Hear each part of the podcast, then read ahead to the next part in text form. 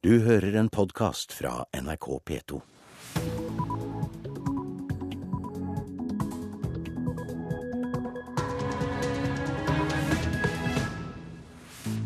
Velkommen til Nyhetsmorgen. Klokka er 6.30. Programleder i dag er Anne Jetlund Hansen, og dette er hovedsakene våre den neste halvtimen. I USA har politiet greid å befri den fem år gamle gutten som har vært holdt som gissel i nesten én uke. Frykten for økning i arbeidsløsheten er avblåst. Det blir 100 000 nye jobber i år og neste år. Og mange kommuner tilbyr barnefamilier hjelp til å endre livsstilen. Skal vi klare å snu en økende trend som går imot økende inaktivitet og eh, mer overvekt, så må vi starte tidlig, og vi må favne hele familien. Det sier ernæringsfysiolog Marit Høvik.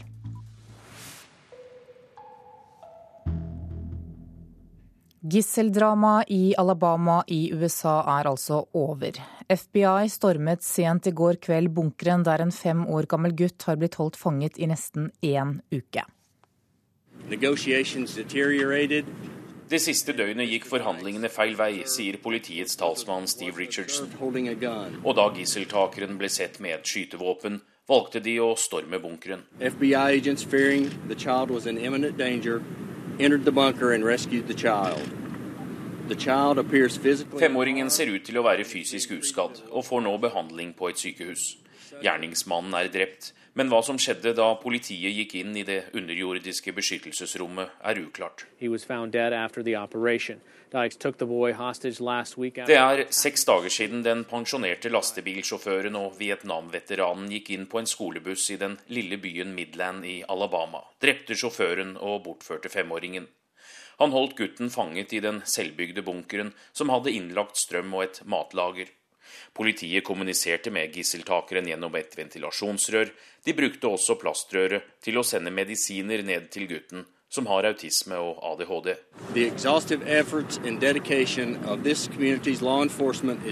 Det føderale politiet, FBI, takker lokalsamfunnet for innsatsen. Gisselaksjonen er over. Men talsmannen vil ikke gi flere detaljer nå om hva som skjedde, heller ikke hva som kom fram under forhandlingene, motivet for gisseltakingen eller hvilke krav gjerningsmannen skal ha kommet med. Anders Tvegård, Washington. Mange fryktet at finanskrisen og økt arbeidsløshet skulle ramme Norge i år. Men nå viser de nye prognosene til Nav at det ikke var noen grunn til bekymring. Det blir i stedet 100 000 nye jobber i år og neste år, og det overrasker frisør Kari Kristiansen fra Trondheim. Jeg ble litt satt ut nå, men det var mye, hørtes det ut til. Slik kommenterer frisør Kari Kristiansen Nav-prognosen, som varsler 100 000 nye jobber i år og neste år.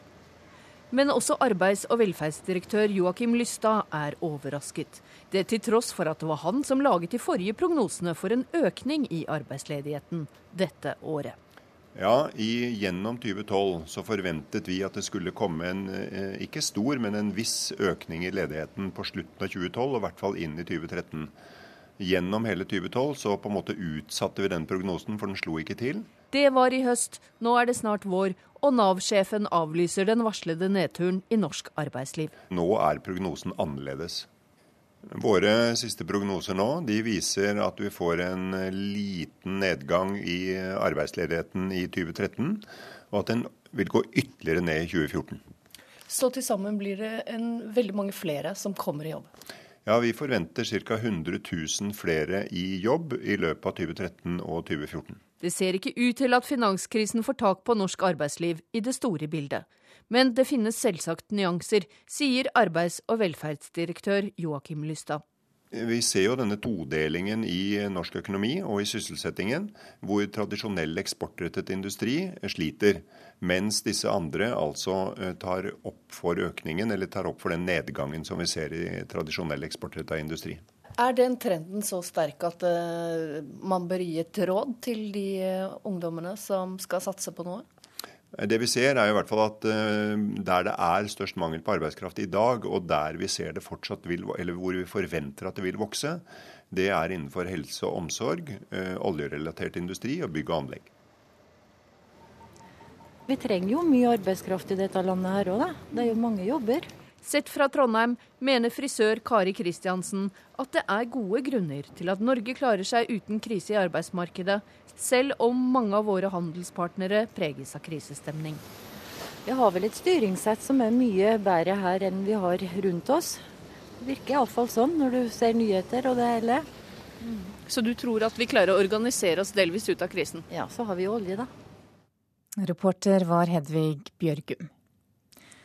Statoil har fått forlenget tillatelse til å utvinne olje på Nordland 6 sørvest for Lofoten. Den 17 år gamle utvinningstillatelsen er forlenget til neste år. Og Dermed kan det kontroversielle området åpnes når som helst, dersom politikerne går inn for det. Det som har skjedd, er at Olje- og energidepartementet ved to anledninger har brutt vedtak som er fatta av Stortinget gjennom den forvaltninga man skal ha av Lofoten. Eh, ved å gi forlenga tillatelse til Statoil sier leder av Natur og Ungdom, Silje Lundberg. Hun mener at Olje- og energidepartementet overkjører det politiske flertallet i Norge, som to ganger har freda de omstridte områdene utenfor Lofoten og Vesterålen. I 1996 fikk Statoil og Hydro tillatelse til å bore etter olje på to blokker i feltet Nordland 6 sørvest for Lofoten, men så fikk de ikke lov likevel, forteller statssekretær Per Rune Henriksen. Gjennom SEM-erklæringen så kom den forrige regjeringen og eh, skal vi si, frosset virksomheten. Det samme har vi gjort gjennom eh, våre eh, vedtak og gjennom forvaltningsplanen. Men det er ikke slik at vi har nullet ut verken åpning av områder eller tillatelser som har blitt gitt. Sier Henriksen, som er statssekretær for Arbeiderpartiet i Olje- og energidepartementet. Så det paradoksale nå er at Statoil har fått utvinningstillatelse, samtidig som de er nekta å bore. Eh, når arbeidet har stoppet opp, så er det ikke selskapene som kan eh, klandres for det. Det er vi som myndighet som også har gitt tillatelsen, som eh, har ansvaret for det. Det betyr at Statoil i ytterste konsekvens kan få utsettelse til evig tid, og dermed få bore etter olje så fort den politiske vind snur, f.eks. ved valget til høsten. Tillatelsen ble forlenget av Olje- og energidepartementet i et brev som var unntatt offentligheten. Natur og Ungdoms Silje Lundberg mener det 17 år gamle vedtaket nå må være gått ut på dato. Jeg mener at dette eh, er ugyldige tillatelser fordi at de bryter med alle prinsippene som ligger i forvaltningsplanen. Og det er det Olje- og energidepartementet som har kjørt frem, på tross av de miljøfaglige rådene. Nei, deler av Nordland 6 kan gjenåpnes når som helst, svarer statssekretær Henriksen. Her må det politiske vedtak til for å få opp igjen startet virksomheten her. Men de tillatelsene som er gitt i området, de er i prinsippet gjeldende fortsatt. Reportere var Lars Nehru Sand og Linda Reinholdsen. Serbia har utnevnt sin første diplomatiske utsending til Kosovo siden den tidligere serbiske provinsen erklærte seg selvstendig i 2008. Utnevnelsen kom få dager etter at Kosovo utnevnte sin utsending til Beograd. De to utsendingene får sine kontorer i EUs kontorer i henholdsvis Pristina og Beograd. Kosovo er anerkjent av nesten 100 land, men Serbia er ikke blant dem, og betrakter fortsatt Kosovo som serbisk territorium. Den colombianske ELN-geriljaen har bortført to menn som trolig er tyske statsborgere.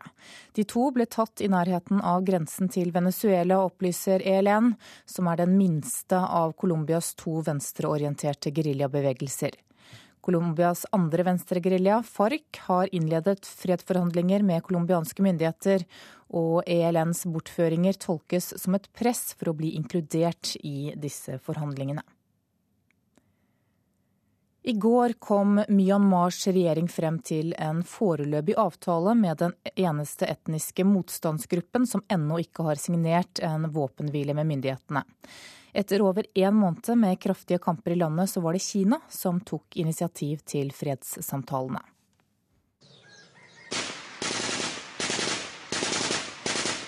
Det var første juledag i fjor at Myanmars militære startet den til nå kraftigste offensiven mot Kachin-folkets motstandshær, KIA, etter at en 17 år lang våpenhvile mellom partene brøt sammen for halvannet år siden. Støttet av angrepsfly og kamphelikoptre har hæren spist seg stadig nærmere innpå KIAs hovedkvarter i byen Laisa, rett over grensen for Kina. Og i forrige uke sto de bare to kilometer på utsiden av byen. Kampene har tvunget rundt 100 000 mennesker på flukt. Dette har skapt bekymring i Beijing, også fordi mange kinesere bor og driver handel i Kachin. Kinesiske myndigheter tilbød seg derfor å være vertskap for fredssamtaler mellom partene. Disse ledet i går til en foreløpig avtale som har som mål å bygge ned spenningen i området. KIA er den eneste etniske motstandsgruppen i Myanmar som ikke har signert en våpenhvileavtale med regjeringen til president Thein Sein, som de siste to årene har iverksatt en omfattende reformprosess i det tidligere militærdiktaturet.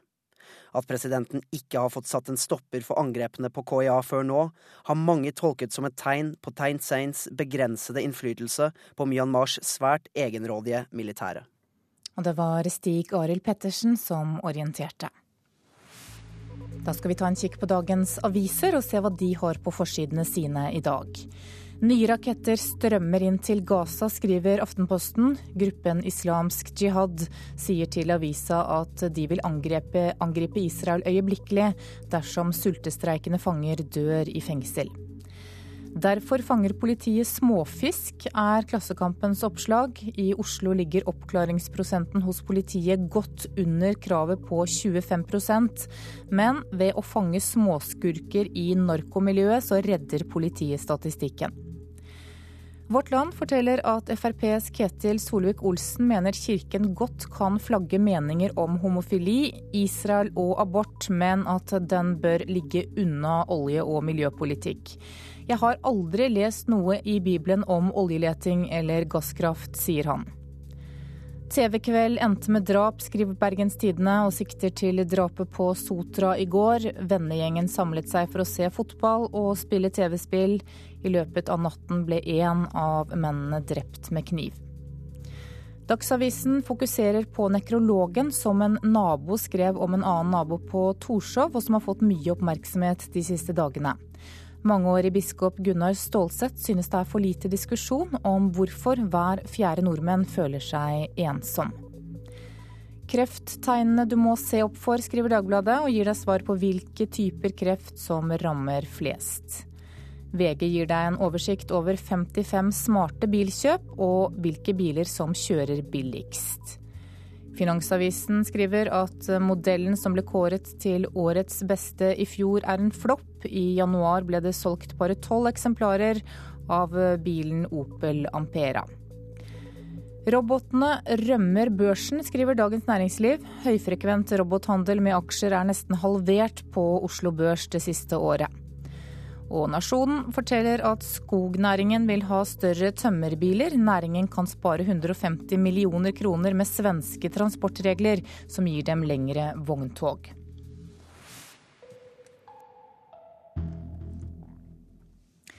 De norske alpinkvinnene regner seg som outsidere når VM i sladming i Østerrike i dag begynner med super-G på programmet. Lotte Smiseth Seierstedt har ingen topplassering å vise til i fartsdisiplinene denne sesongen, men tror at det kan løsne i VM. Jeg tror at eh, farten er der. Jeg ser på gjennomkjøringer også på utfor eh, i World Cup-rennet, så har jeg jo alltid visse seksjoner hvor jeg er raskest av alle der. Så det er litt det at jeg må få en hel runde til å klaffe. Og jeg ser ikke noen grunn til at jeg ikke skal være her, i Slaming. Den andre norske på start i dag er Ragnhild Mowinckel. 20-åringen er ny i senior-VM, men ikke i mesterskapssammenheng. I fjorårets junior-VM slo hun til med to gull og en bronse. Trygg på at hun kan, men ikke må prestere i dag. Jeg veit at jeg kan kjøre fort når jeg er god og har i dagen, som så å si alle snakker om, så, så, kan det gå virkelig bra. Selvfølgelig det å satse, satse i toppen, det er kanskje ikke det her VM-et som vi skal gjøre det, men herregud, selvfølgelig, det kan skje. Med start nummer seks kan Lotte Smiseth Seiersted ha trukket et lykkelodd i dag. Mye nysnø og høy temperatur i sladming kan gjøre en tidlig start til en fordel. Selv tror 21-åringen ubeskjedent at hun kan bli en positiv overraskelse. Jeg sier bare at det, det, kan skje. Jeg er ikke her bare for å, uh, å si at uh, jeg har bare lyst til å ha det gøy. For jeg, jeg har jo lyst til å kjøre fort på ski, og jeg vet at jeg kan det. Men da må dagen klaffe. Reporter var Bengt Eigil Ruud, og kvinnenes super-G-konkurranse kan du se på NRK1 fra klokka 10.50. Du hører på Nyhetsmorgen i NRK P2 og Alltid nyheter. Klokka er 6.45. Dette er hovedsaker i nyhetene i dag. Femåringen som ble holdt fanget under jorda i Alabama i USA er i trygghet. FBI stormet bunkeren sent i går. Nordmenn behøver ikke engste seg for økt arbeidsløshet. Det blir 100 000 nye jobber i år og neste år. Og underholdningslitteratur er fortsatt det vi leser aller mest av. I går ble det lansert enda en romanserie.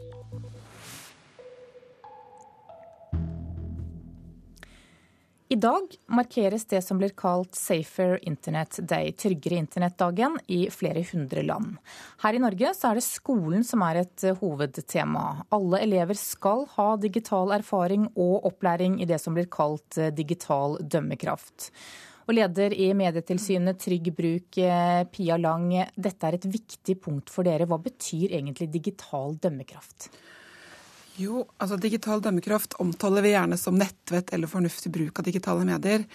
Eh, det som står i læreplanen at de skal lære, er egentlig kildekritikk, personvern og så er det en etisk del. Der ligger det mye sånn oppførsel eh, på digitale medier f.eks. Hvor viktig er det at de lærer seg det? Ja, Vi mener jo at dette er en helt, helt, helt nødvendig kompetanse å ha i det samfunnet vi lever i i dag. Så når, når fire av ti som våre undersøkelser sier, ikke får det, så er det, så er det for dårlig. Det skaper sosiale skiller. Ja, hvordan står det til med dømmekraften vår? Jo, jeg syns vi ser hver dag så ser vi eksempler på eh, ganske dårlig digital dømmekraft. Når det er sagt, så viser våre undersøkelser at barn og unge, iallfall de 9-16-åringene vi hører med, har ganske god digital dømmekraft, men det er veldig tilfeldig hvordan de får den. Så dere mener at skolen må inn her? Vi mener at skolen må inn, men dette står jo i Kunnskapsløftet. Dette er en del av en grunnleggende ferdighet som barn skal ha når de går ut av skolen. Så når det ikke gjennomføres, så er det for dårlig. Ja, Vi har jo den siste tida hørt om uro etter innlegg på sosiale medier, bl.a. skoleopprør etter sexrykter på Instagram og nakenbilder på Snapchat. Hvor omfattende er dette problemet? Ehm, nei, som sagt så syns jeg vi daglig ser eksempler på eh, dårlig digital dømmekraft. Og konsekvensene av dårlig digital dømmekraft kan være ganske store. Hvis man ser på den saken fra Göteborg som har gått nå i det siste, så kan man tenke seg altså, konsekvensene for hun jenta som i utgangspunktet fikk bildene eller kommentarene lagt ut. For henne så var det så skjellsettende at eh, hele samfunnet rundt henne reagerte. For den jenta som ble beskyldt for å ha lagt ut dette her, så er konsekvensene så store at hun faktisk måtte flytte fra byen. Og fra den 15-åringen som nå er under etterforskning, så er det altså en internasjonal politisak som foregår. Jeg tenker Det setter dype spor. Eh, men det kan også være at du ikke får jobb fordi du har slengt med leppa på nett, og noen ser det og du gir et dårlig inntrykk. Det kan være at du får dårlige karakterer fordi du ikke har sjekket eh, kildene i, i oppgavene du skriver. Eh, og det kan være at noen andre legger ut bilder av deg og sjikanerer deg og mobber deg på nett, sånn at du dropper ut av skolen for du orker ikke å være der. Så dette, her er, dette er ting som setter spor mange, på mange områder. Dere deler eh, ut en pris i dag som heter Trygg bruk-prisen. og Blant de 20 kandidatene så finner vi Redd Barna, men også Facebook. Hvorfor er Facebook nominert? Jo, Facebook er nominert fordi at, eh, for det første fordi de skaper en arena for å snakke om personvern og eh, trygg bruk. Eh, men også, det er ikke, nå skal jeg si at det er en åpen nominasjonsprosess, altså, så, så, vi har ikke noe med nominasjonen å gjøre. sånn sett. Eh, men de er også nominert fordi de har eh, laget en tjeneste som tross alt er ganske god for barn og unge, selv om det er 13-årsgrense. Så har de gode rapporteringsmekanismer, noe som man syns er veldig viktig. De forholder seg til brukerne sine, og de har ganske gode personverninnstillinger. Så det, er grunner til at Facebook er nominert. Men det, tilbake til dette med, med, dårlig dømmekraft. Hvorfor har mange av oss så dårlig dømmekraft? Er det fordi vi ikke orker å sette oss inn i ting, eller er det bare fordi vi tenker at uh, dette ikke er noe som rammer oss på noen slags måte? Ja, Den siste tanken din tror jeg er ganske aktuell. Uh, og så er det sånn at eh, På disse digitale mediene så skjer ting veldig veldig fort. Uh, og Det sier ungdommer, særlig til oss også, at når du er altså Det med mobiltelefon f.eks. Det er så veldig fort at du tar et bilde og sender det. Og så teller du ikke til ti. Du har ikke noen stoppunkter før du, før du sender fra deg ting eller poster ting. Og da går ting veldig fort. Og så ser du jo ikke ansiktet til den andre personen. Så du vet ikke hvordan det du sender fra deg, blir mottatt på andre enden. Og det er, eh, det er et viktig element i dette. Tusen takk for at du kom til Nyhetsmorgen, leder i Medietilsynet Trygg Bruk, Pia Lang. Da skal vi høre at eh, det er bare 25 år siden kiropraktorene ble behandlet under kvakksalveloven, men denne uken feirer de 25 år som godkjente samarbeidspartnere i helsevesenet. Én av tre som har muskel- og skjelettplager i Norge henvender seg direkte til kiropraktorer for å få hjelp. Men hos legestanden så er det fortsatt skepsis. Bare kjenne litt på ankelen og se om den fungerer ganske greit i dag. Kiropraktor Espen Oren kjenner på ankelen til Else Helen Karlsen. Hun har spasert på isete fortau med brodder på beina og fått kramper i leggen. Som hver tredje pasient med muskel- og skjelettplager har Else gått direkte til kiropraktoren for å få hjelp. Nå prøver vi å dra ut eh, litt av spenningen som har jobbet opp i leggen sin. Å, å guri land. Denne vinteren er det 25 år siden kiropraktorene fikk autorisasjon. Og i 2006 fikk de også rett til å henvise og rett til å sykemelde på lik linje med legene. At vi har gått fra kvakksalve til lagspiller i helsevesenet på så kort tid, det er litt artig. Men selv om autorisasjonen er 25 år, alle rettighetene er på plass og det er mange som går til kiropraktorer, er det lang vei igjen før legestanden tar dem inn i varmen. Det sier flere leger vi har snakket med. Sjur Rød Larsen er fastlege og spesialist i allmennmedisin. Eh, jeg må innrømme at jeg var litt skeptisk til å begynne med, men det hang nok sammen med kunnskapen. Leder av Norsk kiropraktorforening, Jakob Lote, er enig i at skepsisen blant leger dreier seg om uvitenhet. Dette har jo dels historiske grunner. Alle kiropraktorer har sin utdannelse fra utlandet og har på en måte eh, vært et slags eh, fremmedelement i, i, i mange år i det norske helsevesenet. Jeg ser helt opp der, ja. Og det er kunnskap om at kiropraktorene f.eks. har to år lengre utdannelse enn fysioterapeutene, og at grunnutdannelsen er den samme som leger har, som gjør at skepsisen fortsatt er der, tror Espen Oren.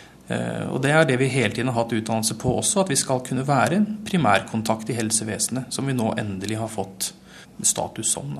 Lege Sjur Rød Larsen mener legene selv har et ansvar for å skaffe seg kunnskap om hva de 600 kiropraktorene i Norge i dag gjør og kan. Ja, det er et samarbeid. Kiropraktorene er viktig at de er flinke med å gi tilbakemeldinger og, og informere. Og så er det viktig også at legene mm, prøver å sette seg inn i, i kiropraktornes eh, virke, siden de er blitt så store og en viktig samarbeidspartner når det gjelder behandlingen av pasientene. Reporter her, det var Helena Rønning. Stadig flere kommuner tilbyr nå innbyggerne sine hjelp til å endre livsstilen. Tilbudene er mange og forskjellige, og stadig flere jobber nå også mot barn. Men det er aldri for seint å endre livsstilen sin. Huset brenner. Ja, det brenner på huset der. Er det den som skulle være på stigen, eller? Ja. Bente Olsen fra Eiskog jobber i barnehage. I løpet av det siste halvåret har hun gått ned åtte kilo. Hun har lagt om kostholdet og har gått fra å ikke trene til å trene tre ganger i uka. Ting er lettere. Jeg orker å være med unga mer. Jeg er mye mer på gulvet med dem nå enn jeg var før. Eh, pusten er bedre. Ja, altså jeg, jeg klarer å henge med mer enn det jeg gjorde tidligere, føler jeg sjøl. Hun har fått hjelp ved Frisklivssentralen i Eidskog. Men det er ikke bare voksne som trenger hjelp til å rette inn kursen når det gjelder livsstil og kombinasjon av matinntak og aktivitet. Det trenger også barn og unge. Tall fra Helsedirektoratet viser at nesten 20% av åtteåringene i landet er overvektige, og nesten 15 av 15-åringene veier for mye. Da skal vi klare å snu en økende trend som går imot økende inaktivitet og eh, mer overvekt må vi starte tidlig, og vi må favne hele familien. Det sier Marit Høvik, som er ernæringsfysiolog ved Frisklivssentralen i Eidskog. Stadig flere kommuner tilbyr nå hjelp til livsstilsendring. Det er ulik praksis i kommunene, men stadig flere ser det som viktig å veilede barn og barnefamilier. Fra høsten skal alle familier i tredje klasse og åttende klasse i Eidskog få kurs i livsstil. Dreier seg mye om eh, vaner. Hvordan lever vi livene våre? Generell helseopplysning. Eh, veldig mye kosthold. Eh, en del snakk om fysisk aktivitet. Hvilke tilbud har vi i bygda? Hva kan ungene og ungdommen være med på? Er det noe vi kan dra i gang sjøl? Og hvordan vi kan få til en livsstilsendring. For det er ofte veldig små ting som skal til i en familie for å snu og kan snu en negativ utvikling. Da. Du legger den oppi her. Bente Olsen trengte bare litt veiledning, og trenger ikke tett oppfølging for å komme seg videre i sin nye livsstil med passe med mat og mye trening. Men hun tror ikke at hun hadde klart det helt uten hjelp. Nei, det tror jeg ikke jeg hadde gjort. Det hadde vel egentlig bare gått i den der vante traten. Reporter var Ann Kristin Moe. Underholdningslitteratur er fortsatt det vi leser aller mest av. Siden sagaen om isfolket er det utgitt 120 ulike romanserier her i landet, og akkurat nå så finnes det over 30 nye serier på markedet. Og i går så ble, ble det lansert enda en. Merete heter jeg.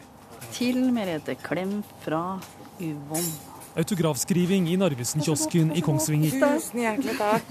Serieforfatter Yvonne Andersen signerer den første boka si i den nye romanserien 'Årringer'. Nå er det mye signering, ja. Nå er jeg på signeringsrunde. For seks år siden hadde firebarnsmora fra Eidskog en helt annen jobb. Da vasker jeg på et sykehus. Nå selger hun flere bøker enn de fleste andre forfattere bare kan drømme om. Opplaget er på 1,3 nå da hittil, så det er bra. Ja, Det føles veldig bra. Den første serien 'Novemberbarn' ble trykket i et opplag på 900 000 bøker.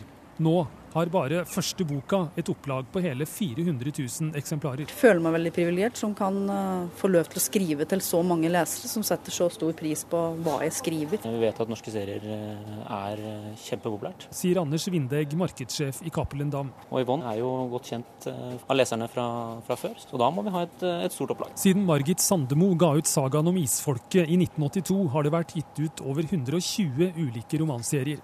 Nå er det rundt 40 nye og gamle serier på markedet. Konkurransen er, er hard. Hardere enn før, selvfølgelig er det det. Fordi at det er flere serier. Hun er irritert over at serielitteraturen blir snakket stygt om. Blir veldig provosert. Og selvfølgelig er det litteratur. Det er litteratur for uh, folkesjela. Han vet hvem jeg er, tenkte hun forundret. Men så møtte hun baronens blikk. Det gikk kalde strømninger gjennom henne. Det var et blikk så fylt av hat at hun ble matt. Han rettet pekefingeren mot henne og ropte ut Kom dem bort herifra. Og det brenner fort. Det handler om kjærlighet, sjalusi, sosiale forskjeller og urettferdighet. Yvonne Andersens nye serie 'Årringer' er lagt til tømmerfløtermiljøet for vel 100 år siden. Jeg hadde veldig lyst til å kaste lys på det. Eh, det var et livsfarlig yrke. Og heltinna er 21 år og heter Silja.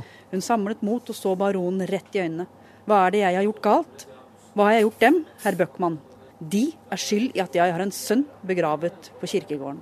Til eh, Asle kan du skrive skal jeg skrive til deg? Ja, til Louise. Så fint, da. I kiosken i Kongsvinger kommer stadig folk innom og vil ha signerte bøker. Så det blir bra. Kjempefint. Tusen hjertelig takk skal du ha. Bjørg Melby Vangen fra Kongsvinger er en av rundt en halv million nordmenn som følger en eller annen romanserie. Det er litt om gamle dager, og, og det liker jeg. Når du selger så mye bøker, jeg må spørre deg, da, tjener du mye penger på det? Ja, så vi har solgt til maten. Mm. Reporter var Stein S. Eide.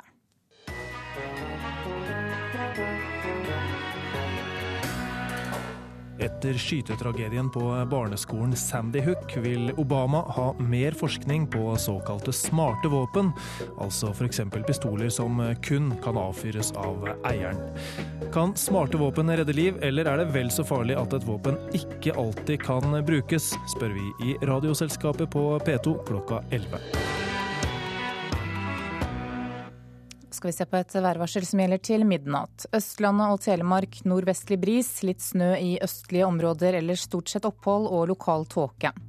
Agder enkelte regnbyger i vest først på dagen, som snø i høyden, for øvrig til del, delvis skyet oppholdsvær.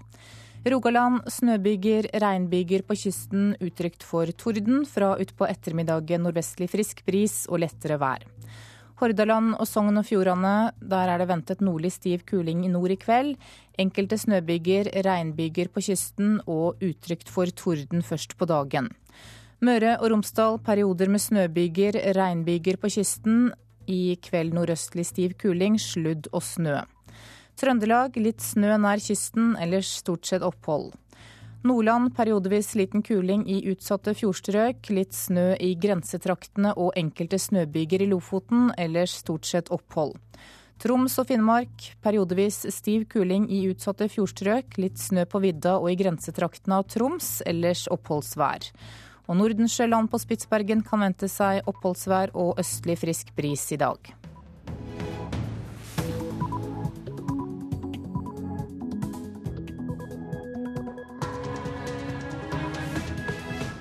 Nå er klokka sju. Du lytter til Nyhetsmorgen med Anne Jetlund Hansen i studio. Her er en nyhetsoppdatering. FBI har stormet bunkeren der en fem år gammel gutt har vært holdt som gissel i én uke. Gjerningsmannen er drept. Femåringen er fysisk uskadd. Han behandles nå på et sykehus i Alabama. De aller fattigste skal få mer hjelp til å kjøpe sin egen bolig, foreslår regjeringen. Det vil føre til økte boligpriser, advarer seniorøkonom Erik Bruse. Det er klart at Jo flere som vil eie bolig, jo, jo, mer vil prisene øke, alt annet likt. Så dette vil bidra til å presse opp boligprisene. Til tross for vedtatt vern av Lofoten, har Statoil fått forlenget tillatelse til å utvinne olje. Afghanistans president er i Oslo, og i dag skal han bl.a. møte statsminister Jens Stoltenberg. Menn er ikke mer fysisk aktive enn kvinner, de bare skryter mer av det, viser en undersøkelse. Hva forteller dette om menn, da? Nei, Det forteller jo at eh, vi skryter, det har vi jo gjort. Vi skryter om både det ene og det andre, om antallet, om eh, centimeter og om eh, minutter. Sier forsker Bjørge Herman Hansen. Og samfunnet sløser med ressursene når skoleelever ikke lærer seg touch-metoden på tastaturet. Let, finn og trykkmetoden tar altfor lang tid, sier ekspert. Gisseldramaet i Alabama i USA er over. FBI stormet sent i går kveld bunkeren der en fem år gammel gutt har blitt holdt fanget i nesten én uke. Det sier USA-korrespondent Anders Tvegård. FBI fryktet for guttens liv. De valgte derfor å gå inn i eh, denne underjordiske bunkersen i går kveld. Forhandlingene hadde brutt sammen. Gjerningsmannen han hadde blitt sett med en pistol eller skytevåpen. Politiet holdt en pressekonferanse her i USA i går kveld der de bekreftet at eh, gjerningsmannen er drept. De sa også at femåringen er fysisk uskadd. Han behandles nå på et sykehus i Alabama. Kom det frem noen detaljer om det som skjedde under aksjonen? Politiet har eh, sagt at de ikke vil si mer nå rundt hva som skjedde. Ikke noe om motivet, hvilke krav gjerningsmannen eventuelt skal ha framsatt. Heller ikke detaljer om uh, aksjonen, uh, hvem det var som skøyt. Naboene forteller at de hørte om et smell. Dette her er ting som vil komme fram etter hvert, men akkurat nå så har politiet bare valgt å gå ut og bekrefte at gisselaksjonen er over og femåringen er i god behold. Hva slags kontakt har det vært mellom mannen og politiet i løpet av de dagene som dramaet har pågått? Det som blir sagt er at de har hatt eh, kontakt og skal ha forhandlet. Politiet har bl.a. fått sendt ned et eh, videokamera i, eh, via en lufteventil til bunkersen. Det er på denne måten de også har kommunisert. Eh, dette her har eh, vært en eh, lang og vanskelig aksjon for alle involverte. Det startet for, rundt seks, for seks dager siden da den pensjonerte lastebilsjåføren stanset en skolebuss, gikk om bord, drepte sjåføren, tok med seg femåringen til bunkersen, som han altså selv har lagd på eiendommen sin i Alabama. Ja, Hva vet politiet om motivet til denne 65-åringen? Fortsatt så arbeider de med det. De har ikke uh, fortalt noe om uh, hva slags motiv uh, mannen hadde for bortføringen. De har heller ikke fortalt noe om hvilke krav han eventuelt måtte ha satt fram i disse forhandlingene. Dette her er en sak som har fått stor oppmerksomhet i USA fordi at den er såpass spesiell, og også fordi den nå får en lykkelig eller en, en bra avslutning for femåringen. Men hvorfor ventet politiet nesten en uke med å gå til aksjon? De har hatt forhandlinger. Det er eh, polititaktikk. De har kanskje valgt å drive uh, uthaling eller uh, har hatt andre uh, grunner til ikke å gå til aksjon. Det de sier er at de reagerte i går kveld fordi gjerningsmannen hadde blitt sett med et våpen, og fordi forhandlingene gikk dårlig. Forhandlingene brøt sammen. Derfor valgte de da å, å gripe inn i går. Hva skjer med gutten nå? Han får behandling på et uh, sykehus. Er, han er sendt til et uh, sykehus i, i, Alabama, der altså gisselaksjonen har pågått. Politiet sier at han er fysisk uskadd, men han skal naturlig nok gjennom flere kontroller. Og han er altså i, i sikkerhet. Det rapporterte vår USA-korrespondent Anders Tvegård. De aller fattigste skal få mer hjelp til å kjøpe sin egen bolig. Det foreslår regjeringen når de legger fram sin boligmelding om få uker. Seniorøkonom Erik Bruse advarer mot at dette vil føre til økte boligpriser. Men for uføretrygdede Roger Bole Larsen var det å kjøpe bolig som å vinne i Lotto. De kom på døra mi, en representant fra kommunen, så tenkte jeg at nå ble jeg hevet ut. Nå går det galt. Men så var hun jo verdens hyggeligste, den dama fra kommunen, og sa at nå kan du få kjøpt leiligheten hvis du vil. Og det var jo akkurat som å vinne på Lottoen. Roger Bole Larsen hadde nok aldri fått lån i en vanlig bank for å kjøpe sin egen leilighet. Han er uføretrygda og har leid kommunal bostad gjennom kommunen i mange år. Helt til de en dag sa han kunne få startlån og hjelp til å kjøpe leiligheten han bor i. Regna på dette her og fant at det var ikke noe problem å greie dette her. Så da eh, sa jeg ja til det. Og fått et helt annet liv. Et herlig liv når du har noe for deg selv. Så det kommer jeg ikke til å angre på. Her skal jeg bo så lenge jeg lever.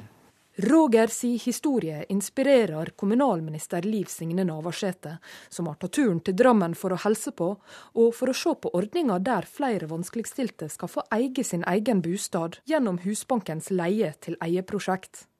Hun lover at sosial boligpolitikk blir viktig når regjeringa legger fram si forsinka boligmelding i slutten av mars. Vi kommer mange grep i boligmeldingen, og et av dem eh, som er knytta seg an til startlånet, som eh, har vært viktig for Roger, at han kunne få eie bostaden sin. Eh, og det er at vi vil i særlige tilfeller forlenge avdragssiden til 50 år, der det er folk som har lav inntekt, men stabil inntekt. Eh, og det er ganske nytt. At vi òg tenker at eh, de kan eie sin egen bostad. Og det å komme inn på boligmarkedet, det å eie bostad, det er for det første tryggleik. For det andre så er en òg inne på en marked som har stor betydning for økonomien, i og med at verdien stiger over tid. Men når de nederst ved bordet skal få bedre hjelp til å kjøpe seg inn på boligmarkedet, vil dette gjøre det vanskeligere for andre som også sliter med å få kjøpt sin egen bostad, mener senioranalytiker i Nordea, Erik Bruse. De som skal inn på boligmarkedet, de vil møte en høyere pris, så, det er noen som vil få problemer her, som, tidligere kanskje ville hatt nok egenkapital til å komme inn på markedet. Så dette kan gjøre det vanskelig for førstegangsetableringer. Det er klart at Jo flere som vil eie bolig, jo, jo mer vil prisene øke, alt annet likt. Så dette vil bidra til å presse opp boligprisene. Kommunalminister Navarsete tror ikke leie til eiekandidatene er mange nok til å presse boligprisene oppover for mye.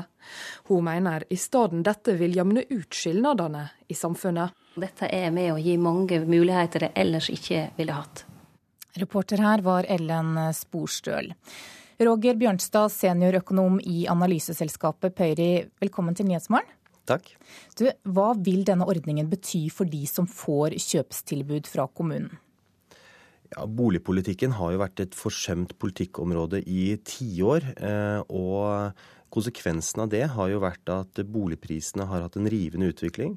Boligprisene er doblet siden 2003 og tredoblet siden 1998. Og det er klart at det boligmarkedet det har skapt eh, store klasseskiller i det norske samfunnet. Og det er på høy tid at det innføres en eh, ny sosial boligpolitikk. Hva med det, de, de, andre kjøperne da, som ikke får tilbud fra kommunen? Er du enig med Bruse her i at dette kan være med på å presse opp boligprisene for dem? Det er klart at eh, alle sosiale tiltak rettet inn mot en gruppe må definere hvilken gruppe eh, som er målgruppen, og, noen faller jo da utenfor. Hvor eh, vellykket eller viktig denne sosiale boligpolitikken blir for de som ikke kan kjøpe egen bolig, det avhenger av hvor omfattende den er, og hvem som faller utenfor.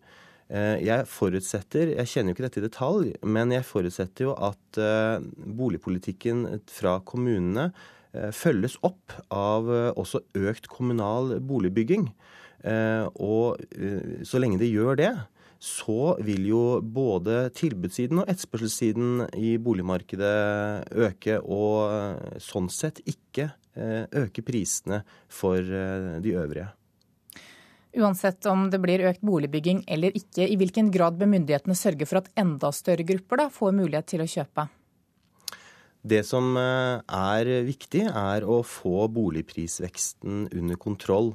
Eh, I dag har vi sterk befolkningsvekst og et lavt rentenivå og et veldig gunstig skatteregime for å eie egen bolig. Og det driver boligprisene ytterligere oppover. Og det å øke utbyggingstakten og eh, dempe etterspørselen, det vil være viktig for at også flere skal ta del i denne boligkarusellen. Hvor mye må det bygges ut da? Ja, Befolkningsveksten uh, alene uh, er på rundt 70 000 personer i året. Det innebærer jo at hvis vi antar kanskje at to personer per husholdning, så innebærer det en boligbygging på rundt 35 000 boliger i året. Nå har vi heldigvis kommet eh, en god del opp, eh, og boligbyggingen ligger på rundt 30 000 i året. Men eh, enn så lenge så er det fortsatt for lav boligbygging til å stagge prisveksten. Takk skal du ha, seniorøkonom Roger Bjørnstad i analyseselskapet Pøyri. Det blir 100 000 nye jobber i år og neste år. Mange fryktet at finanskrisen og økt arbeidsløshet skulle komme til Norge i år, men nå viser de nye prognosene fra Nav at nedturen er avlyst. Og til tross for at vi blir mange flere som trenger en jobb, så er det enda større behov for ledige hender og hoder. Og dermed så går arbeidsløsheten ned i år, og enda mer neste år. Lenge så har det vært eh, opplest og vedtatt at menn er mer fysisk aktive enn kvinner. Nå kan det virke som om menn har skrytt på seg en del, mens kvinner har unnlatt å fortelle om husarbeid og andre gjøremål som ikke er trening, men som likevel holder dem fysisk aktive. I dag smører jeg med Rode Multigredd. Det er null til minus to grader. Nikolai Stensland gjør seg klar til å gå på ski fra Sognsvann til Frognerseteren i Oslo. Tur-retur eh, ca. to mil. 39-åringen har utstyret i orden og trener ofte. Tre-fire ganger i uken. I tidligere undersøkelser har menn alltid framstått som de mest fysisk aktive i Norge. Det har vært ut fra det de sjøl har fortalt om hvor mye de trener. Men så monterte Norges idrettshøgskole og ni andre høgskoler måleapparat til kroppen på 3000 menn og kvinner. Vi registrerer ikke bare typisk tradisjonell treningsaktivitet, men vi får et mye bedre bilde på det, det totale fysiske aktivitetsnivået vi faktisk har. Da. På oppdrag fra Helsedirektoratet skulle de finne ut hvor mye vi faktisk beveger oss, sier forsker Bjørge Herman Hansen. Tradisjonelt sett så har det jo vært sånn at menn sier at de er mer fysisk aktive enn kvinner. Eh, når vi nå faktisk har gått inn og målt aktivitetsnivået, så ser vi det at det er ikke noen eh, forskjeller i eh, det totale, totalmengden av aktivitet som menn og kvinner utfører. Hva forteller dette om menn, da? Nei, Det forteller jo at vi skryter. Det har vi jo gjort. Vi skryter om både det ene og det andre, om antallet, om centimeter og om minutter. Kanskje skryte på seg litt. Grann. Det er riktig. I hvert fall kanskje mer i min målgruppe etter hvert. At det er mer, at det er, mer er man sitter så mye stille ikke sant, på jobb, og det er, eh, det er konkurranser i næringstoppen imellom. og Man vil jo oppnå mål, enten det er i Birken eller, eller andre renn. Det er store snakkisen ofte på jobb. I dag er planene en tur oppover mot Ullevålseter. I forhåpentligvis fine løyper og myk sne. På Sognsvann er 67 år gamle Anne Katrine Andersen klar til å gå på skitur med venninna. Skistavene hennes er av bambus, og heller ikke skien er av helt ny dato. Menn gjør nok mer ut av seg i skiløypa, mener hun. Det kan vel hende at de syns litt bedre når de farer forbi oss i løypene. Nei, jeg vet ikke, men jeg tror kanskje at de er opptatt av det litt mer utstyrsmessige og profesjonelle siden av skigåingen. Også 88 år gamle Odd Eriksen var på skitur i går. Han ser ut til å være nærmest sannheten i sin analyse. Jeg tror eh, menn kanskje går, går noe mer, iallfall på ski og sånn, da. Men eh, kvinner er veldig gode, flinke til å gå turer. Reporter her, det var Kjartan Røslett. Tessa Sørensen, du er personlig trener hos Driv trening og har god faglig ballast når det gjelder fysisk aktivitet. Hva er ditt inntrykk når det gjelder forskjellen mellom kvinner og menn? Eh, det er jo helt klart en forskjell. Eh, og mer i hvordan man velger å trene eh, og være fysisk aktiv, enn hvor mye man trener, tror jeg. Ja, Hva er forskjellen i hvordan? Menn er veldig flinke til å organisere seg selv. Og de møtes alltid på kveldene og har gjerne et eller annet ukentlig som er fast. Alltid.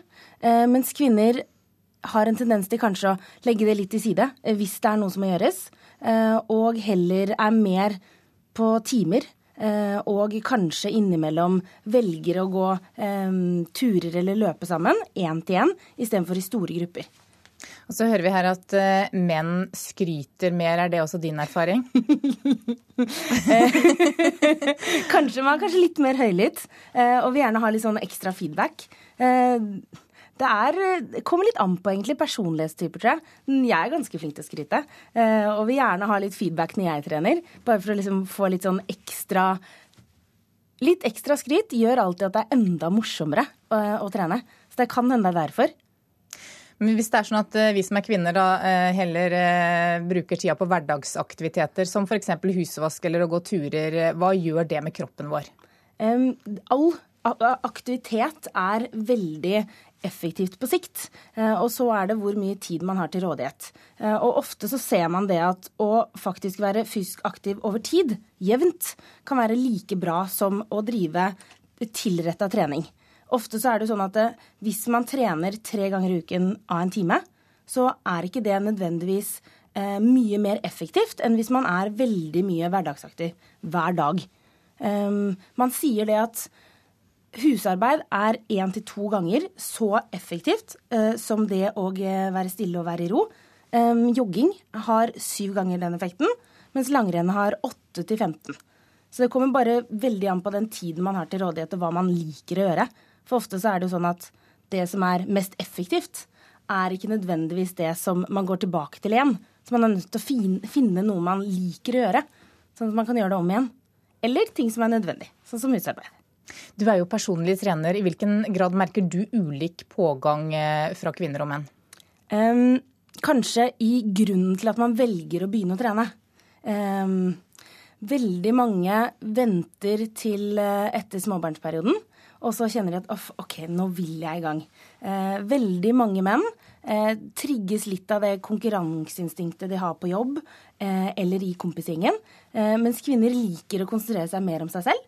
Ehm, men det er en ganske sånn stor generalisering, så det er jo ikke gjengs for alle. Takk for at du kom til Nyhetsmorgen, Tessa Sørensen. Da er klokka blitt 7.17, eh, og du hører altså på Nyhetsmorgen. Dette er hovedsakene våre.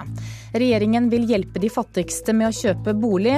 Da blir boligen dyrere for andre, sier økonom. Gutten som har vært sperret inne i en bunker i USA, er i trygghet. FBI stormet bunkeren og drepte gisseltakeren. Og nordmenn behøver ikke å engste seg for økt arbeidsløshet. Det blir 100 000 nye jobber i år og neste år.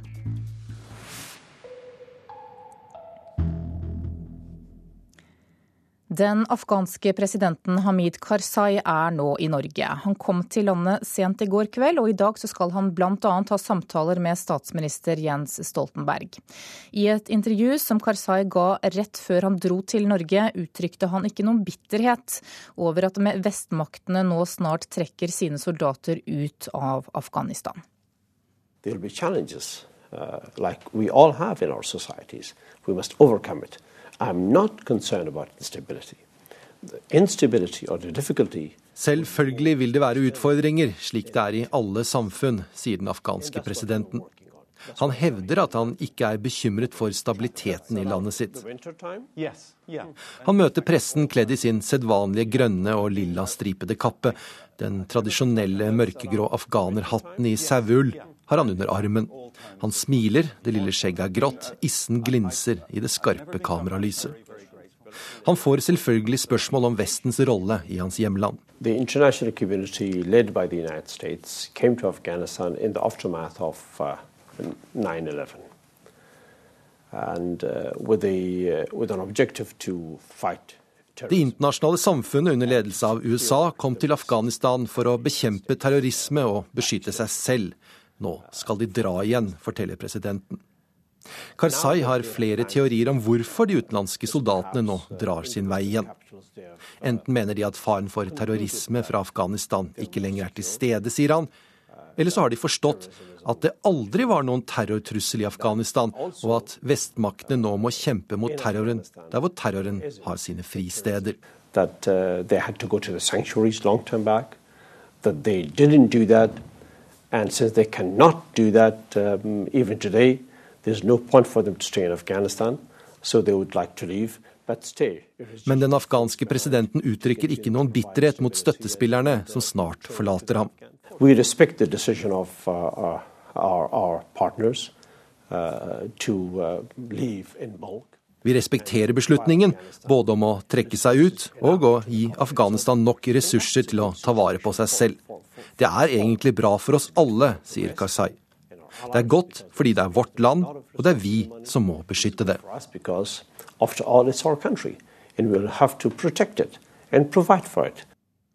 Og intervjuet ga president Hamid Karzai til det britiske TV-selskapet ITN. Og reporter her, det var Halvard Sandberg.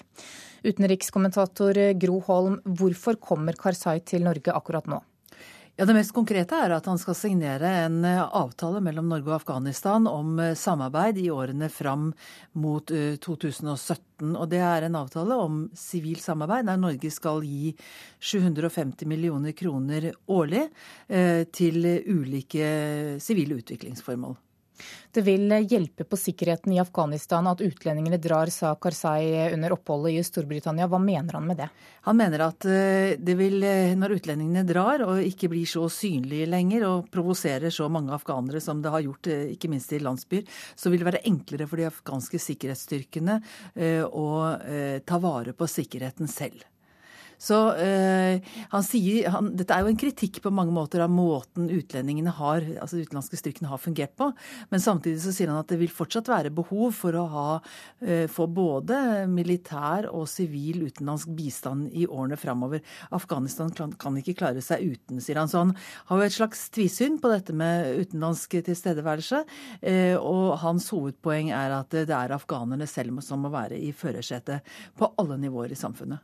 Og så har han sagt at målet er en fredsavtale med Taliban i løpet av de neste seks månedene. Hva er sannsynligheten for at det kommer til å skje? Det høres veldig overoptimistisk ut, syns jeg. Fordi eh, det forutsetter at Taliban er villig til å forhandle direkte med den afghanske regjeringen. Det har de ikke vært villige til så langt. Eh, de sier de kan snakke med dem som virkelig har makten i landet, underforstått amerikanerne. Eh, og striden står også da om åpningen av et kontor, et representasjonskontor for Taliban i Qatar har. Eh, det, eh, det er i prinsippet nå eh, USA og afghanerne enige om. Det ble de når, når Karzai besøkte USA tidligere i år. Men eh, dette er jo da igjen på betingelse av at Taliban vil snakke direkte med den afghanske regjeringen. Og som sagt, de er fortsatt ikke der. Hvilken posisjon har Karzai i Afghanistan nå? Han er ikke noen veldig populær president. Men samtidig så finnes det ikke mange andre populære presidentkandidater heller. Eller han, han eh, er et slags sånn minste felles multiplum, kan du si, for, eh, for befolkningen.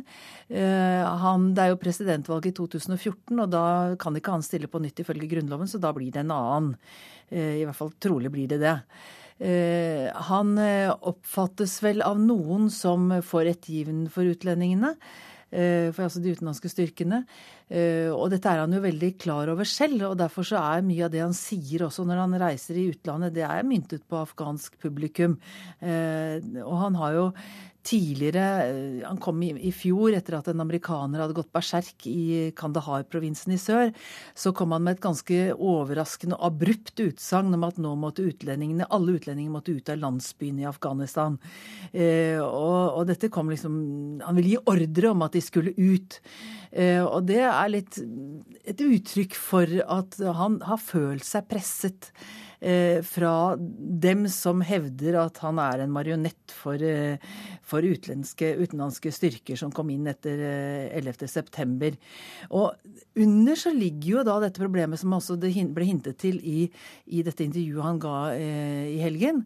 Altså den, den, følelsen at det er Afghanistan som har betalt prisen for Al Qaida, og det var faktisk ingen afghanere med eh, under angrepet på World Trade Center i 2001. Takk skal du ha, Gro Holm. Serbia har utnevnt sin første diplomatiske utsending til Kosovo siden den tidligere serbiske provinsen erklærte seg selvstendig i 2008. Utnevnelsen kom få dager etter at Kosovo utnevnte sin utsending til Beograd. Kosovo er anerkjent av nesten 100 land, men Serbia er ikke blant dem, og betrakter fortsatt Kosovo som serbisk territorium. Da skal vi ta en kikk på dagens aviser og se hva de har på forsidene sine i dag. Nye raketter strømmer inn til Gaza, skriver Aftenposten. Gruppen Islamsk jihad sier til avisen at de vil angripe Israel øyeblikkelig dersom sultestreikende fanger dør i fengsel. Derfor fanger politiet småfisk, er Klassekampens oppslag. I Oslo ligger oppklaringsprosenten hos politiet godt under kravet på 25% men ved å fange småskurker i narkomiljøet, så redder politiet statistikken sin. Vårt Land forteller at FrPs Ketil Solvik-Olsen mener kirken godt kan flagge meninger om homofili, Israel og abort, men at den bør ligge unna olje- og miljøpolitikk. Jeg har aldri lest noe i Bibelen om oljeleting eller gasskraft, sier han. TV-kveld endte med drap, skriver Bergens Tidende og sikter til drapet på Sotra i går. Vennegjengen samlet seg for å se fotball og spille TV-spill. I løpet av natten ble én av mennene drept med kniv. Dagsavisen fokuserer på nekrologen som en nabo skrev om en annen nabo på Torshov i Oslo, og som har fått mye oppmerksomhet de siste dagene. Mangeårig biskop Gunnar Stålseth synes det er for lite diskusjon om hvorfor hver fjerde nordmann føler seg ensom. Krefttegnene du må se opp for, skriver Dagbladet i dag, og gir deg svar på hvilke typer kreft som rammer flest. Og VG gir deg en oversikt over 55 smarte bilkjøp og hvilke biler som kjører billigst.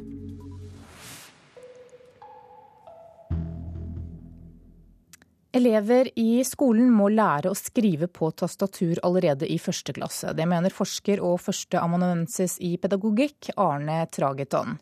Det er sløsing med ressursene når skrivingen går langsomt, mener han. Men mange lærere kan ikke touch-metoden, og elevene får mangelfull opplæring. Litt. Fikk det var i sjette klasse i begynnelsen. Lene Olsen går i sjuende klasse ved Grønebråden skole i Egersund. I sjette klasse fikk hun vite at hun har dysleksi. Først da fikk hun noen timers undervisning i bruk av PC-tastaturet for å kunne bli mer effektivt og skrive raskere.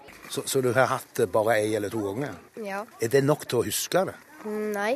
Førsteamanuensis i pedagogikk Arne Trageton har forska på skriveopplæring på PC i mange år. Han mener at norsk skole henger etter i samfunnsutviklingen. Jeg tror at eh, norsklærerne de har ikke vært så opptatt av akkurat teknikken i skrivingen der. Mange av dem kan ikke, kan ikke møte det sjøl engang. Utdanningsforbundet etterlyser likevel ikke utdanning i dette for sine medlemmer. Det sier Utdanningsforbundets kontaktperson i grunnskolen i Rogaland, Eva Sirevåg Sestad. Jeg vil ikke si at eh, touch-metoden bør være en del av lærerutdanningen. Jeg tror for mange lærere så vil det være sånn at de kommer aldri til å eh, bruke touch-metoden sjøl. Arne Trageton kaller det for pekefingervalsen. Ungene velger automatisk å bruke pekefingrene da de ikke får opplæring i å bruke åtte fingre. Og det bør læres inn allerede fra første og andre klasse. Så jeg, Jeg tror, jeg tror, det kan være en hovedgrunn til at og samfunnet sløser jo kolossalt med ressursene når eh, all skriving går så langsomt som man gjør. I forskningsprosjektet mitt så var det sånn at seksåringen der hadde en mer lekvennlig, spontan måte å, å lære på, med at vi delte tastaturet i høyre og venstre, og så fikk beskjed om at høyrehåndsfingrene skulle være på høyre side, og venstrehåndsfingrene på venstre. Og da fikk du et tilnærma touchsystem. Dette tjener jeg på hele skolelivet. I barneskolen, i ungdomsskolen og videregående skole. Og når jeg senere kom på lærerskolen, så beherska jeg det å skrive notater etter forelesningene. Hvor ofte bruker du PC hele tida? Ikke på skolen nå lenger. Men var det ikke det du skulle få opplæring i siden du hadde dysleksi? Jo. Og det sa reporter her var Øystein Ellingsen. Du hører på Nyhetsmorgen. Den neste halvtimen får du først nå Dagsnytt 7.30 med Anders Borgen Werring. Deretter så blir det dagens utenriksreportasje, og i Politisk kvarter blir det mer om boligpolitikk. Produsent for sendingen i dag heter Ulf Tannes Fjell, og her i studio Anne Jetlund Hansen. Du hører en podkast fra NRK P2. De fattigste skal få hjelp til bolig av regjeringen, men da blir det dyrere for andre, sier økonomer. Gutten som har vært sperret inne i en bunker i USA er i trygghet. FBI stormet bunkeren sent i går. Menn er ikke mer aktive enn kvinner, de er bare flinkere til å skryte. Nei, Det forteller jo at eh, vi skryter, det har vi jo gjort. Vi skryter om både det ene og det andre, om antallet, om eh, centimeter og om minutter. minutter. Dette er NRK Dagsnytt, klokka er 7.30. De aller fattigste skal få mer hjelp til å kjøpe sin egen bolig. Det foreslår regjeringen når de legger fram boligmeldingen om få uker. Økonomer mener at det kan føre til enda høyere boligpriser. Men for eh, uføretrygdede Roger, eh, Roger Bole Larsen var det å kjøpe bolig som å vinne i Lotto. De kom på døra mi, en representant fra kommunen, så tenkte jeg at nå ble jeg hevet ut. Men så var hun verdens hyggeligste, den dama fra kommunen, og sa at nå kan du få kjøpt leiligheten hvis du vil. Og det var jo akkurat som å vinne på lottoen. Roger Bole Larsen hadde nok aldri fått lån i en vanlig bank for å kjøpe sin egen leilighet. Han er uføretrygda og har leid kommunal bostad gjennom kommunen i mange år. Helt til de en dag sa han kunne få startlån og hjelp til å kjøpe leiligheten han bor i. Det kommer jeg ikke til å angre på. Her skal jeg bo så lenge jeg lever. Roger si historie inspirerer kommunalminister Liv Signe Navarsete. Hun lover at sosial bostadpolitikk blir viktig når regjeringa legger fram si forsinka bostadmelding i slutten av mars. Vi kommer mange grep i bostadmeldingen, og et av dem eh, som er knytta seg an til startlånet, som eh, har vært viktig for Roger, at han kunne feie bostaden sin. Uh, og det er at vi vil i særlige tilfeller forlenge avdragssiden til 50 år. Der det er folk som har lav inntekt, men stabil inntekt. Men når de nederst ved bordet skal få bedre hjelp til å kjøpe seg inn på boligmarkedet, vil dette gjøre det vanskeligere for andre som også sliter med å få kjøpt sin egen bostad, mener senioranalytiker i Nordea, Erik Bruse. Det er klart at Jo flere som vil eie bolig, jo, jo mer vil prisene øke, alt annet likt. Så dette vil bidra til å presse opp boligprisene. Reporter her, det var Ellen Sporstøl. At approximately 3:12 this afternoon, FBI agents safely recovered the child who has been held hostage for nearly a week. I can just imagine his family is just overfilled with joy and all types of emotions at this very moment, uh, getting to see the little boy again. Ja, Som vi hører, så sier politiet at uh, gisselsituasjonen i den amerikanske delstaten i Alabama nå er uh, over. I nesten én uke så har altså den fem år gamle gutten vært holdt fanget i en bunker under bakken, og nå er han eh, hos eh, familien sin, som vi hørte de si her. Utenriksmedarbeider Halvard Sandberg, du har eh, fulgt med på denne saken. Hva var det som skjedde? På et visst tidspunkt i går så ble politiet veldig bekymret. De hadde et kamera inne i bunkeren, som de kunne se hva som skjedde. Og de skal ha sett at han hadde et våpen, og at guttens liv var i fare. Det er dette hva de hevder. Eh, så gikk eh, en gruppe fra FBIs Hostage Rescue Team til aksjon. De kastet en sjokkgranat inn i bunkeren og fulgte raskt etter. Og de skal da ha drept denne 65-åringen. Eh, gutten skal ha kommet fra det uten fysiske skader. Ja, Hvordan eh, har gutten det? Har det kommet noe fram om det? Han er på sykehuset sammen med foreldrene sine. Han har fått mat, han uh, smiler og ler. Han har til og med fått sin favorittdinosaur å leke med. Så politiet sier at han har kommet bemerkelsesverdig godt fra dette. Dette er jo også en spesiell gutt. Han har Aspergers eh, syndrom. Og ja, i hvilken grad han har fulgt med på hva som har skjedd den siste uken, det vet vi jo ikke. Ja, Denne 65-åringen tok altså gutten som gissel, men vet vi noe om eh, bakgrunnen for at han gjorde det? Hvorfor han stormet denne bussen? Han eh, er en konspirasjonsteoretiker. Eh, han er en enstøing, tidligere Vietnam-veteran. Du vet ikke hvilken grad han har vært i kamp. Han skal lide av posttraumatisk stressyndrom. Han har truet veldig mange. Han har drept en hund med en, et jernrør, naboens hund som kom inn på området. Han tror at myndighetene har vært ute etter han, og det er det jo, etter det han gjorde. Så han fikk jo rett til slutt. Takk skal du ha, utenriksmedarbeider Halvard Sandberg. Kampen mot terror og det videre samarbeidet mellom Norge og Afghanistan, ja, det er blant temaene som president Hamid Karzai skal diskutere med norske myndigheter i dag. Den afghanske presidenten er nå i Oslo og skal ha samtale med bl.a. utenriksminister Espen Barth Eide og medlemmer av utenrikskomiteen. Deretter tar kong Harald imot presidenten på Slottet, før Karzai møter statsminister Jens Stoltenberg til en arbeidslunsj. Lenge så har det vært opplest og vedtatt at menn er mer fysisk aktive enn kvinner. Nå kan det virke som om menn har skrytt på seg en del, mens kvinner har unnlatt å fortelle om husarbeid og andre gjøremål som ikke er trening, men som likevel holder dem fysisk aktive. I dag smører jeg med Rode multigredd. Er null til minus to grader. Nikolai Stensland gjør seg klar til å gå på ski fra Sognsvann til Frognerseteren i Oslo. Tur-retur eh, ca. to mil. 39-åringen har utstyret i orden og trener ofte. Tre-fire ganger i uken. I tidligere undersøkelser har menn alltid framstått som de mest fysisk aktive i Norge. Det har vært ut fra det de sjøl har fortalt om hvor mye de trener. Men så monterte Norges idrettshøgskole og ni andre høgskoler måleapparat til kroppen på 3000 menn og kvinner. På oppdrag fra Helsedirektoratet skulle de finne ut hvor mye vi faktisk beveger oss, sier forsker Bjørge Herman Hansen. Eh, når vi nå faktisk har gått inn og målt aktivitetsnivået, så ser vi det at det er ikke noen eh, forskjeller i eh, det totale, totale mengden av aktivitet som menn og kvinner utfører. Hva forteller dette om menn, da? Nei, Det forteller jo at vi skryter, det har vi jo gjort. Vi skryter om både det ene og det andre, om antallet, om centimeter og om minutter. På Sognsvann er 67 år gamle Anne Katrine Andersen klar til å gå på skitur med venninna. Skistavene hennes er av bambus, og heller ikke skien er av helt ny dato. Menn gjør nok mer ut av seg i skiløypa, mener hun.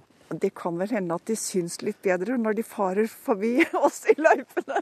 Nei, jeg vet ikke, men jeg tror kanskje at de er opptatt av det litt mer utstyrsmessige og profesjonelle siden av skigåingen. Ja, det kan så være. Reporter her, det var eh, Kjartan Røslett. Det blir 100 eh, 000 nye jobber i år og neste år. Mange fryktet at finanskrisen og økt arbeidsløshet skulle komme til Norge i år, men nå viser de nye prognosene til Nav at nedturen er avlyst. Og til tross for at vi blir mange flere som trenger en jobb, er det enda større behov for ledige hender og hoder. Dermed går arbeidsløsheten ned i år, og enda mer neste år. Underholdningslitteratur holder stand som landets mest populære lesestoff. Siden eh, sagaen om isfolket er det utgitt 120 ulike romanserier her i landet. Akkurat nå finnes det over 30 nye serier på markedet, og i går så ble det lansert enda en. Merete heter jeg.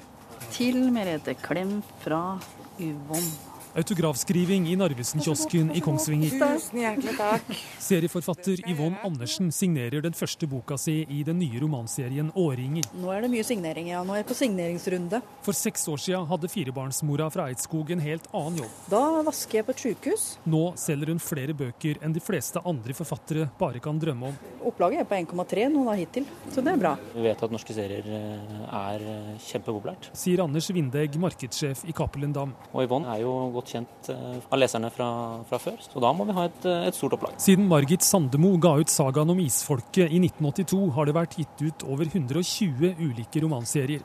Nå er det rundt 40 nye og gamle serier på markedet. Konkurransen er, eh, er hard. Hardere enn før, selvfølgelig er det det. Fordi at det er flere serier. Hun er irritert over at serielitteraturen blir snakket stygt om. Blir veldig provosert. Og selvfølgelig er det litteratur. Det er litteratur for folkesjela. Reporter her, det var Stein S. Eide. Tor Hushovd håper formen nå er i anmarsj. Sist han syklet et ritt var for ni måneder siden i Argentina. Da måtte han bryte konkurransen, men nå håper han det løsner. For i morgen så skal 35-åringen delta i sykkelrittet Tour de Mediterrane i Frankrike. Det var jo ikke som jeg hadde håpet selvfølgelig i Argentina, dessverre. Men eh, jeg har vært eh, ni måneder uten konkurranse. Jeg tror nok jeg fikk litt eh, fartsokk, dessverre. Tor Hushovd hadde ikke noe annet valg enn å bryte sykkelrittet. Det er skikkelig dehydrert den ene dagen, og jeg gikk faktisk ned fire kilo. Jeg klarte aldri å å fylle på en væske, så kroppen klarte ikke ta opp igjen det. og Det bare gjorde at jeg var fullstendig tom. Og nå håper han kroppen vil respondere på trening, og gi ham de svarene han trenger. Hvis kroppen responderer sånn, så vet jeg at resultatene kommer. Så, så det er ikke, det er ikke bekymra for, for øyeblikket. Men jeg bare håper nå at kroppen gir meg de svarene jeg venter på. Hushovd ser realistisk på situasjonen han er i, og vet han har vært ute av konkurranse lenge. Dermed har han ikke satt seg store mål for toren som starter i morgen. Der håper jeg rett og slett bare at jeg har et, et, et høyt nivå. Det er det eneste målet jeg har der. Reporter Maren Johnsen. Anne Skårseth har ansvaret for nyhetssendingene på NRK Radio denne morgenen. Det er Hanne Lunås som er teknisk ansvarlig. Jeg heter Anders Borgen Werring. Klokka er 7.40 og Nyhetsmorgen fortsetter. I Bulgaria er det valgår, og det betyr at det politiske klimaet tilspisser seg. Nylig fikk et av de største plateselskapene et løfte om penger fra EU for å ruste opp en av fjernsynskanalene sine. Opposisjonen mener at regjeringen med dette misbruker EU-midler, for båndene mellom plateselskapet og regjeringspartiet er tette.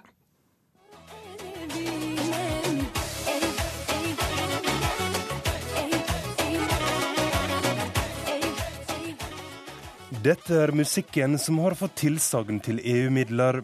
Fra en pott som skal styrke konkurransedyktigheten i EU sine yttergrenser. Plateselskapet Painer fikk midler til HD-utstyr for TV-kanalen Planeta. Der viser de Tjalga-videoer døgnet rundt. Det handler om seks hylbleika hår, gangstere og penger. Tildelinga fikk kultureliten i Bulgaria til å gå amok.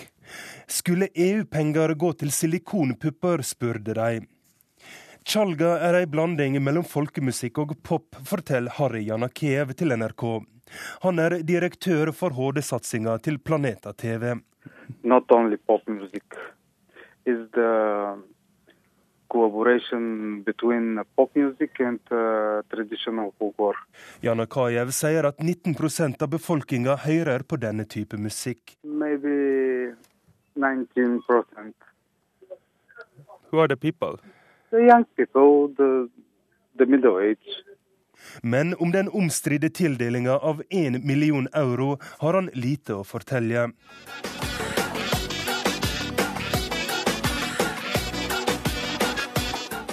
Men det er ikke pga. dårlig smak at EU-kommisjonen nå åpner etterforsking av tildelinga. Ei tildeling som var gjort på selvstendig grunnlag av regjeringa, som blir styrt av den mektige statsministeren Bojko Borisov fra partiet Gerb.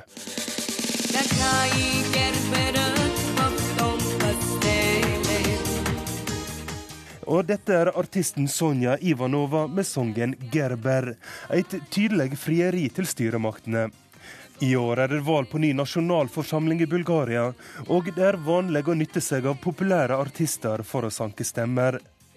Direktøren for Peiner er en av grunnleggerne av det konservative Gerb-partiet, og han skal ha tette bånd til statsministeren. Opposisjonsleder og tidligere statsminister Sergej Stanisjev Gerb og Peiner for å skulle bruke EU-pengene til å arrangere konserter og å holde TV-sendinger i valgkampen. Regjeringa var raskt ute og sa de hadde fulgt alle regler i tildelinga. Sonja Ivanova hadde i tillegg avslutta kontrakta si med Painer før hun spilte inn sangen 'Gerber'.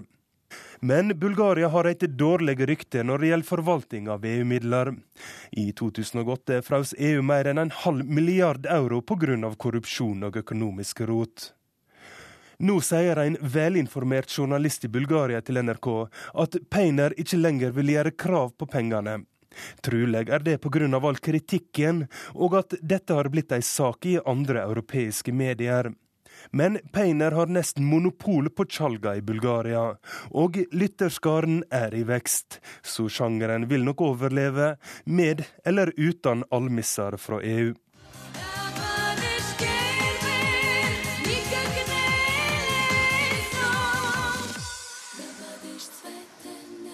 Det var utenriksmedarbeider Roger Severin Bruland som hadde laget denne rapportasjen.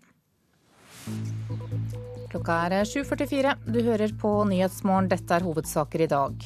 Gutten som har vært sperret inne i en bunker i USA, er i trygghet. FBI stormet bunkeren og drepte gisseltakeren. Nordmenn behøver ikke å engste seg for økt arbeidsløshet. Det blir 100 000 nye jobber i år og neste år. Og til tross for vedtatt vern av Lofoten, så har Statoil fått forlenget tillatelse til å utvinne olje. Nå er det Politisk kvarter og programleder Bjørn Myklebust. Regjeringen vil hjelpe fattige med å kjøpe bolig. Kanskje ikke det er så lurt, er svaret fra en økonom.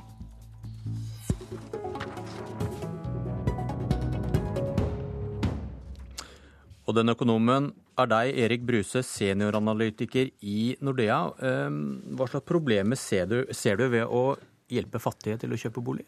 For Det første, så det som ligger bak her, er jo at folk skal låne fullt opp til boligen. Dvs. Si altså låne like mye som boligen er verdt. og Da kan du fort komme i en eh, økonomisk klemme. Hvis boligprisene faller, så, så er det jo da straks i en situasjon hvor, hvor, er, hvor, gjelden er større enn boligen din. og Hvis du da må flytte eller et eller annet, så, så har du store økonomiske problemer. Så det er jo regler som Normalt så skal man jo ha 15% egenkapital. Dette bryter jo med det. det. Det er det ene problemet. Det andre problemet er at det vil komme flere som vil eie bolig, og det, det vil presse opp boligprisene ytterligere. Aksel Hagen, leder i kommunalkomiteen fra SV. Hva svarer du? For oss i SV og de rød-grønne så er det viktig at vi må ha to tanker i hugget samtidig. Eh, boligpolitikk er velferdspolitikk. og Da må vi både klare å hjelpe de som trenger litt hjelp for å få seg en anstendig bolig. Og så skal vi i tillegg, ikke minst gjennom økt boligforsyning, gjøre at presset blir mindre på den måten. Altså tilbudet blir større. Da kan vi òg slippe flere inn på markedet. Men ser du problemene som eh, Bruse peker på her, at eh, disse menneskene kan komme i noen problemer hvis det skulle skje noe med boligmarkedet? Det er et, eh, et godt poeng. Det, det, blir særlig viktig da at i dette tilfellet er Husbank og, og kommune som gir slike lån, at de inngår et godt samarbeid med noen som får det lånet slik at vi, de klarer å betjene lånet framover. Da vet vi at erfaring fra startlånordningen at det er, går utrolig bra. Eh, at du nettopp får det gode samarbeidet mellom kommunen og mellom den som får det lånet her. Så klarer de å betjene det. Og vi har en, en NOVA-rapport som viser at det nettopp er mulig for en, kanskje en 20 000-30 000 flere enn i dag nettopp også klare at det er litt mer hjelp på den måten som regjeringa her vil foreslå. Og så vil de klare å få seg en bolig, og det er veldig bra. Går dette tiltaket utover noen andre i boligmarkedet, Bruse? Ja, det er jo allerede dyrt for mange å etablere seg i boligmarkedet. Og eh, jo flere som vil eie, eh, jo høyere boligpriser må vi regne med. Det blir flere som, som etterspør bolig, rett og slett. Og, og, det er klart at uh, dette vil gjøre inngangsbilletten dyrere for de som ikke får, får startlån. da. Uh, så, så, helt klart, uh, grupper som nå har problemer og som ikke får startlån, de, de, de kommer dårligere ut. Hvem snakker vi om da? Da snakker vi om mange unge som er i jobb og som kanskje kan ha brukbar inntekt, men, men pga. den regelen vi har om at man skal ha 15% egenkapital, så, så får de kanskje ikke lån i banken, og så de ikke, eh, får de heller ikke da dette startlånet eh, fra, fra myndighetene. Og da skyver dere problemet, Hagen, over på de neste i køen? Ja, men eh, enda en gang så vi, må, vi kan ikke ha en boligpolitikk som ikke dette uh, inkluderer at vi skal hjelpe de som trenger hjelp for å komme inn på boligmarkedet. Jeg tror alle er enige om at alle skal bo på en anstendig måte. Da må vi mer heller se på det som skjer i andre enden her. Nemlig at bolig i for stor grad har blitt et spekulasjonsobjekt. Og ved gjennom å f.eks. endre på formuesberegninga, som gjør at, det blir, at vi ikke hjelper så til de grader gjennom rentefradragsordning når folk kjøper seg bolig nummer to, tre og fire, på den måten driver prisen opp, så vil vi bidra til å redusere pris- og kostnadsnivå på, på, bolig. Altså vi, vi, gjør det litt mindre lønnsomt å spekulere i bolig, og så tagger du at på den måten at vi gjør det lettere for de i andre enden av skala, noe som trenger litt hjelp, til å få seg bolig. Ja, Bruse, som økonom, da, du har jo eh, snakket om nå noen bekymringer i forhold til å gjøre dette grepet i forhold til å hjelpe fattige til å eie. Men når det gjelder boligbygging og boligbeskatning, hva kunne politikerne ha gjort? Nei, det, For det første så er det jo viktig da å tilrettelegge for boligbygging. Altså Kommunene sitter på mye tomter og, og har mye ansvar for tilrettelegging for, for bygging på tomter. Så, så, her kan kommunene gjøre mye. Og det er klart også endring i skattereglene som i mindre grad favoriserer det å eie framfor å leie. Det, det vil også kunne dempe boligprisveksten. Så, så, høyere boligbygging er jo klart, som ble nevnt her, ett svar da på, på de problemene uh, som dette medfører. Men Hagen, dette, dette, tør ikke politikerne gjøre noe særlig med boligbeskatningen som monner, eller? Her er jeg enig i begge de poengene som min meddebattant eh, eh, kommer opp med. Altså både økt boligforsyning, men også at det er et tankekors at vi har så til de grader satser på eierlinja. Eh, bruker kanskje en snaue 50 milliarder på å hjelpe oss som vil eie gjennom rentefradragsordningen. Og dermed blir det langt mindre lønnsomt å å leie. Så det er viktig å ta den debatten. Vi i SV vil ta den debatten. Vi er veldig glad for at så mange fagøkonomer sier at det må vi gjøre på et eller annet vis. Men du tar ikke også bygge ned en, en, rentefradragsordning over natta. Det må i tilfelle tas på, på sikt som en gradvis nedtrapping. Er det bare politiske grunner til at det ikke gjøres noe med, med boligbeskatningen, eh, Bruse? Ja, altså det, det, er vel noe som har stor motstand blant folk flest. Eh, folk forstår vel ikke rett og slett poenget med, med å eh, måtte skatte av inntekt av egen bolig. Så, så, det er jo et politisk veldig vanskelig grep. Men, Men for, for, en økonom? Men for en økonom så er dette fornuftig, at man må skatte av inntekt av egen bolig. Det er helt klart. Og det er noe som vil kunne dempe boligprisveksten. Og, og også gjøre det mindre gunstig da, å eie i forhold til å, å leie. Og, og, gi oss et bedre leiemarked eh, på den måten. Hvor langt er vi unna irske tilstander? Det ble snakket om denne boligbobla fra 2007 og sammenlignet med Norge. Vi, vi, er vel på vei mot en irsk tilstand, vil jeg si. Vi, vi, vi, bygger fortsatt, vi har hatt veldig kraftig boligprisstigning, akkurat som vi har hatt i Irland. Og nå har vi også stor innvandring, akkurat som de hadde i Irland. Og nå er også boligbyggingen på vei oppover i Norge. Det som skjedde i Irland, var da at man bygde enormt med boliger til alle innvandrerne, og så plutselig raste økonomien, og så forsvant innvandrerne, og så hadde man et enormt overskudd av boliger og et eh, kraftig kollaps i boligprisene. Jeg sier ikke at det vil skje i Norge, men, men det begynner å bli tilstander som ligner litt på det. Og vi, vi, må absolutt ta høyde for at det kan være kraftig vi kan få et kraftig prisfall framover. Og det er jo en av grunnene til at jeg er bekymret for disse startlånene. Da, da vil veldig mange komme i en posisjon hvor, hvor de har altfor høy gjeld i forhold til verdien på boligen.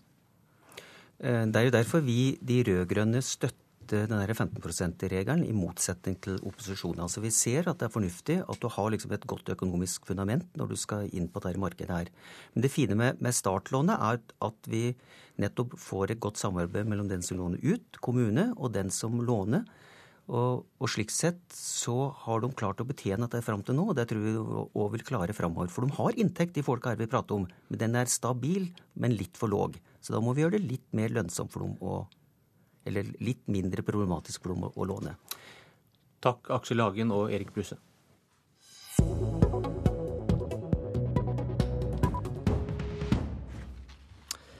Er klimaendringene menneskeskapte? Nikolai Astrup fra Høyre? Ja, all forskning tyder på det. Eh, det er klart det er fortsatt mye forskerne er uenige om, men, eh, men eh, det virker veldig veldig sannsynlig at klimaendringene er menneskeskapt. Og det er også konklusjonen som FNs klimapanel eh, har trukket eh, etter å ha gjennomgått eh, all tilgjengelig forskning på dette området. Er det viktig for dere å bli enige med Fremskrittspartiet om klimaendringer er menneskeskapte?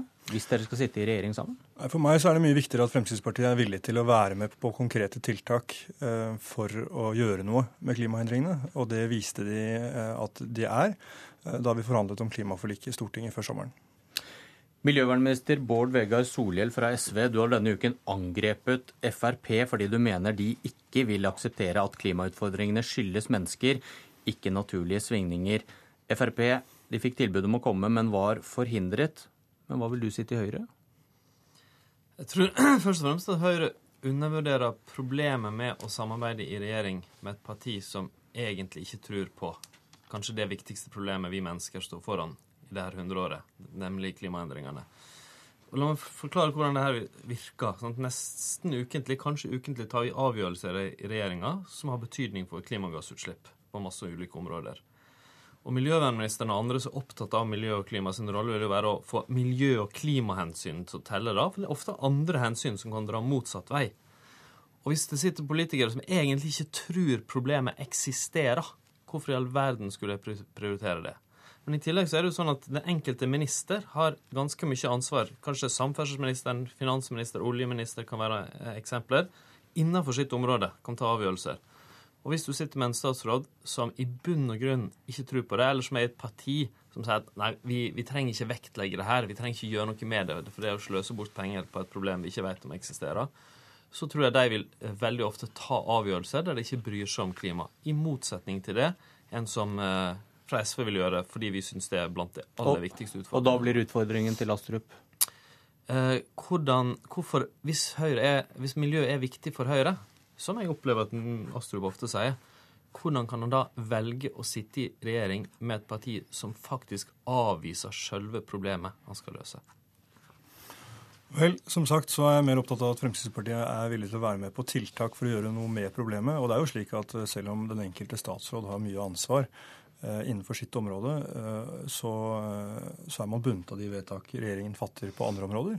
Akkurat som nå, så når regjeringen skal eh, legge siste hånd på Nasjonal transportplan, så er det jo klimameldingen og klimaforliket som ligger i bunn, uavhengig av hva samferdselsministeren måtte mene. Eh, om, eh, om, prioriteringene. Eh, ligger, klimaforliket legger sterke føringer på det. Og, og sånn vil det også være i, i, en regjering, i en ny regjering der Fremskrittspartiet inngår. Så, så jeg, er ikke, jeg, er ikke, så bekymret for det. Og vi så jo da vi forhandlet om klimaforliket, at eh, også SV ville fått mer miljøpolitikk hvis, eh, med Fremskrittspartiet enn det de klarer å få til med Arbeiderpartiet. Og Nå har altså denne regjeringen lagt frem to klimameldinger. Begge har blitt slaktet av unisont av miljøbevegelsen. Eh, og to ganger så har opposisjonen bidratt til å gjøre klimapolitikken mer forpliktende og ambisiøs enn det regjeringen selv har klart. Så jeg er ikke så veldig bekymret for eh, klimapolitikken under en ny borgerlig regjering. Tvert imot så tror jeg det vil bli et løft også for klimapolitikken. Ja, Solhjell, hva er viktigst? Det dokumentet som en borgerlig regjering eventuelt fremforhandler om hvilken politikk de skal føre, eller hvem som sitter i hvilken sort bil? Begge deler er viktig. og Det syns det sier ganske mye om Høyre. At jeg rett og slett er ubekymra over å skulle samarbeide i regjering med Fremskrittspartiet. Et parti som ikke bryr seg om klimaendringene, står utafor alle forlik om det. Men du hørte jo at de, at de i, klima, i klimameldinga sier han jo at da var de, ja. var de, mer enn interessert i å være med. Og ble ikke med i siste runde. Fordi ja, det var fordi, fordi de ble kastet nå, nå, nå snakker jeg, fordi vi ikke, fordi vi ikke var i stand til å finne en løsning når Fremskrittspartiet satt ved bordet, bl.a. fordi de ikke tror på problemet. Så er det sånn at den politikken man forhandler fram, er viktig. Men de daglige avgjørelsene og diskusjonene er òg svært viktig. Og det er dessverre ikke sånn at bare har man gjort et vedtak, så skjer alt. Det er for eksempel, vi, vi, Stortinget er enige om at alkohol er veldig helseskadelig, men likevel så er det diskusjon og kamp om hver enkelt beslutning om det. Sånn vil det være i miljø- og klimapolitikken òg. Og det å sitte da med noen som systematisk vil undergrave ikke bare det enkelte tiltak, men grunnlaget for det, det vil være det motsatte av sånn som du har i dag, der du sitter med ett parti, SV, som grunnleggende vil at miljø og klima skal telle i alle beslutninger. Og eh, det er nesten ingen land i Europa i dag som har klimaskeptikere i regjering. Norge kan bli et unntaksland med det. Eh, og det tror jeg er ganske stor grunn til å advare mot hvordan det vil òg svekke vår rolle internasjonalt. Er SV avhengig av at Frp er et klimatroll, Astrup? Ja, og Det så vi også da vi forhandlet om klimaforliket. Det sto ikke på Fremskrittspartiet. De ønsket å være med. De var veldig konstruktive. Kristelig Folkeparti og Venstre og Høyre var enige om at Fremskrittspartiet i denne saken var veldig konstruktive, villige til å strekke seg langt. Eh, men eh, det kunne ikke SV leve med, og de måtte kaste Fremskrittspartiet ut av forhandlingene. Eh, for å kunne sluttføre dem. Det var ingenting i det Fremskrittspartiet la på bordet som tilsi, tilsa at de skulle kastes ut. Men SV har en egeninteresse i å fremstille eh, Fremskrittspartiet et dårligst mulig lys i denne saken. Eh, jeg deler ikke Fremskrittspartiets syn på klimaforskningen. Og, og hadde selvfølgelig Men har det ingenting de... å si, Astrup? Hva de i bunn og grunn mener om hva klimaforandringene skyldes? Så, som sagt så mener jeg det er viktigere at de er villige til å være med på tiltak. Uh, og det er de. Da, Men det kan jo forvitre, sier Solhjell, hvis man mener noe annet. Sånn, det grunnleggende problemet her er jo at Fremskrittspartiet sjøl har valgt å fremstille sånn som de gjør. De skriver jo sine egne programmer, fremmer sine egne uttalelser, som er skeptiske til hele grunnlaget. Jeg tror Noe av problemet er at Høyre vet at det her blir vanskelig for dem. Det vil si, de i Høyre som har sittet i regjering og vet hva det dreier seg om, vet hvor vanskelig det her blir. Og Derfor vil jeg gjerne snakke ned det problemet at de får et klimaskeptisk parti som heter få land i Europa i regjering. For å si det sånn, Fremskrittspartiet var villig til å være med på en mer ambisiøs og forpliktende klimapolitikk enn det regjeringen fører. Og Det må være viktigere hva vi faktisk gjør, enn hva øh, vi tror på i altså, denne saken. Jeg tror ikke du kan tro på dine egne Handling teller mer. Jeg, jeg, tror ikke du kan og her har på også opposisjonen vist at de er villige til å gå lenger enn regjeringen og mer... føre en mer forpliktende og ambisiøs politikk enn det regjeringen har gjort de siste syv-åtte årene. Astrup, ærlig talt, At Fremskrittspartiet står for en mer ambisiøs politikk og vil gå lenger enn SV, det tror ikke du sjøl egentlig tror på. Ok, Gjennom... Vi får fortsette klimadebatten i et annet politisk kvarter, for dagens er slutt. Jeg heter Bjørn Myklebust. Du har hørt en podkast fra NRK P2.